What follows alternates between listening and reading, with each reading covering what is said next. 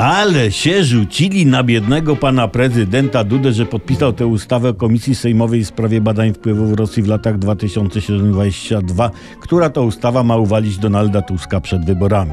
No, podpisał, bo taką ma robotę. Za to bierze wynagrodzenie. Pan prezydent uczciwie poinformował o tym, żartobliwie informując, że to jego decyzja. A przecież wiadomo, że zwierzchnikiem głowy państwa, jakim jest pan prezydent Duda, jest pan prezes. Pan prezes jest szyją głowy państwa i tą głową kręci.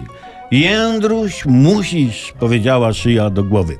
A jeśli pan prezydent by nie podpisał, to pan prezes jako jego przełożony mógłby, no nie wiem, odebrać premię kwartalną, a to parę groszy jest nie przymierzając, albo nawet przymierzając. Ale warto tu uspokoić przeciwników ustawy.